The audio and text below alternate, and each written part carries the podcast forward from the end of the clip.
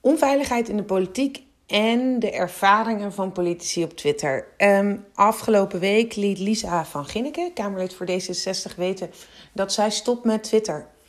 En wat ik heel mooi vond, ze schreef in een verklaring waarom ze dat deed, hoeveelheid drek die ze over zich heen kreeg en dat zij niet meer zag hoe ze in gesprek kon gaan met mensen op dit medium. En onderaan vroeg ze, hoe zie jij dit? En ze deelde dit dus niet alleen op haar Twitter-account dat ze opheft, maar ook op LinkedIn, op sociale media, omdat ze zei, ja, op deze kanalen ben ik wel. En daar wil ik wel met je in gesprek. En dit thema is al eerder aan bod gekomen, namelijk ehm, een paar weken geleden toen ik bij het congres Onveilig in de Politiek van Stem op een Vrouw uh, was. Mocht je je organisatie nog niet volgen, doe het vooral, want dit is de organisatie die helpt met een campagne om door alle partijen heen meer vrouwen in de politiek te krijgen. Zowel door trainingen als door een campagne om echt op een vrouw te stemmen die kans maakt. En um, die doet heel goed werk op dat terrein. Dus volg die organisatie vooral en zie wat zij allemaal doen als je dit nog niet kent. Maar goed, zij organiseerde dus een congres. Ik was daar ook en het ging over onveiligheid in de politiek. En het ging met name over wat er online gebeurt. En de afgelopen paar jaar is er is één heel goed artikel geschreven um, in de Groene Amsterdammer.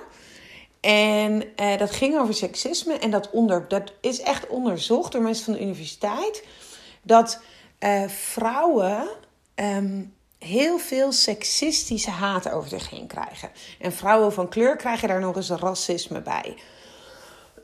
Excuus. En dat het grappige was, ik, ik, het, is natuurlijk geen grappig onderwerp, maar ik stelde op een gegeven moment in een poll de vraag op Instagram van goh, um, wist je dat met name vrouwen heel veel online haat over zich heen krijgen? En degenen die dat niet wisten waren allemaal mannen. Dus kennelijk is er nog wel wat voor nodig om zichtbaar te maken wat daar gebeurt. En wat daar gebeurt is dat met name um, op het vrouw zijn commentaar valt. Dus dat gaat van vriendelijk of hoe zeg je het, gewoon onvriendelijk gedrag. Naar, um, naar echte haatbedreigingen, doodsbedreigingen, verkrachtingsbedreigingen.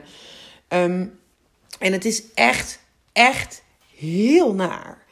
Um, tijdens dat congres zeiden een aantal vrouwen dat ze wel aangifte probeerden te doen, maar dat niet altijd voor elkaar kregen. En dat als ze dat konden doen, dat dat niet een veroordeling meestal leidt tot een boete. En niet betekent dat iemand dat gedrag stopt online. Dus er zit nog wel, en ik heb hier te weinig zicht op hoor. Wat zijn de mogelijkheden uh, strafrechtelijk? Um, een van de wethouders die aanwezig was, zei ook: ja, um, je kan nog meer als je het in de civiele procedure aan. Dan kun je nog verder komen dan wanneer het strafrecht gaat, omdat het gewoon niet stopt via het strafrecht. Um, maar waar ik het nu over wil hebben is, en dat vond ik echt heel goed aan de, aan de verklaring, of aan, ieder geval aan het besluit van Lisa van Ginneke, dat je onder hoge druk je werk niet meer goed kan doen.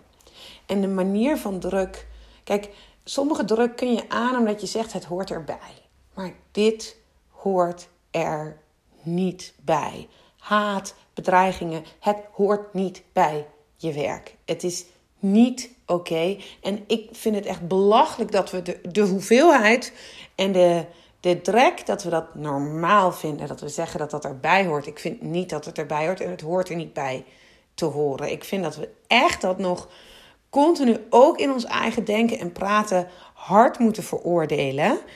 Uh, want ik maak me daar zorgen over.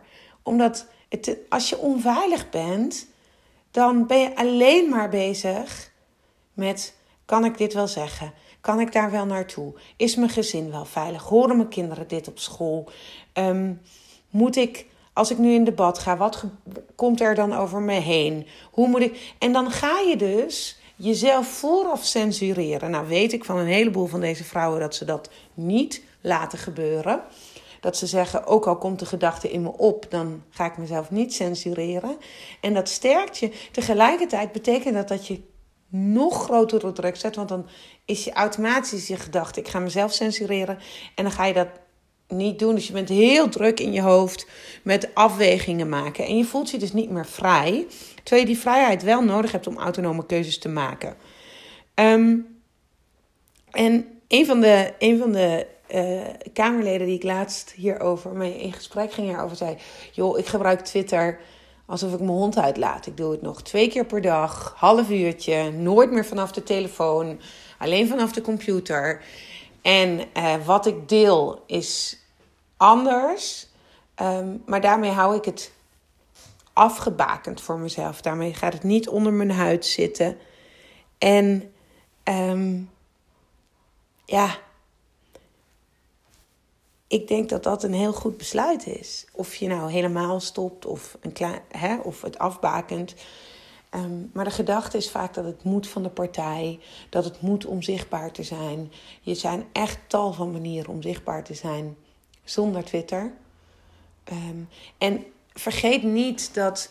Uh, kijk, ik vond Twitter vroeger heel erg leuk, hè? Vroeger, oma vertelt. Maar ik vond Twitter echt heel erg leuk. Maar het huidige Twitter, waarin je niet meer 140, maar 280 tekens hebt, met veel meer witregels, is gemaakt, is ontworpen om een shitstorm te creëren.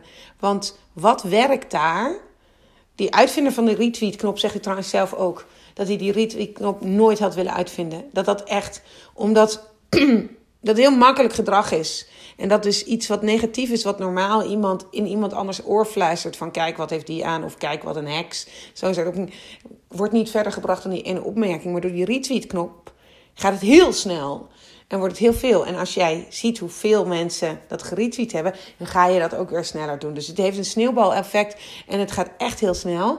En wat wordt er dan geretweet? Dat zijn korte berichten met veel witregels. Dus eh, veel wit, dus weinig nuance erin, weinig tekst erin. Kort, hard, heel hard. Ehm, en dat is helemaal niet wat bij, zeg maar, veel politici die zeggen: ja, maar Twitter hoort erbij, want dan kun je met mensen in gesprek. Maar scheldpartijen, kort, hard, kort hard oordelen um, en, en geen nuance meer, hoort helemaal niet bij een democratisch gesprek. Um, kijk, dat jij open staat en dat jij met iedereen in gesprek wil, vind ik fantastisch. Want dat hoort bij je vak. Maar of Twitter daarvoor het juiste kanaal is. Um, ja, officieel hoor je dit voor jezelf te bepalen. En ik denk gewoon als dit je stress geeft. Als je hier bang voor bent. En de lokale wethouders, bijvoorbeeld met wie ik werk, die zeggen: joh, ik heb een account zodat ik kan zien als iemand mij een tweetje stuurt. Um, niet als iemand dus via een ander kanaal zegt: hey, er is iets getweet over van deze organisatie of wat dan ook. Maar Twitter is niet het kanaal waar je informatie vandaan haalt. Of iemand wel of niet iets goed zegt. Ja, moet je, daar op, el, ja, moet je op elke uitspraak van iemand reageren. Um, het, het leidt heel erg af van jouw manier van werken. En ik vind dat je je vrij mag voelen om die autonome keuze te maken.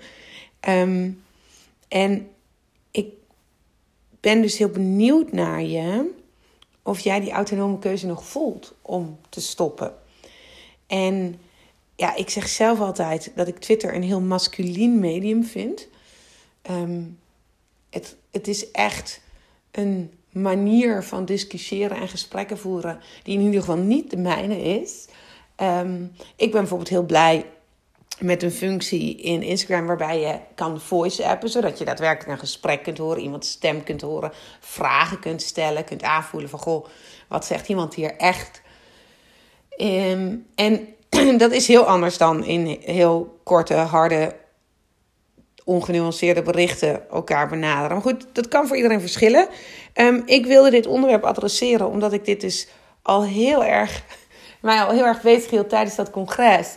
En het nu deze week ineens opkwam. Dus ik wil hier heel graag um, ja, met jou verder over praten. En ik weet dat het nu helemaal hot is om te zeggen dat je van Twitter gaat, want Elon Musk, want we gaan naar Mastodon.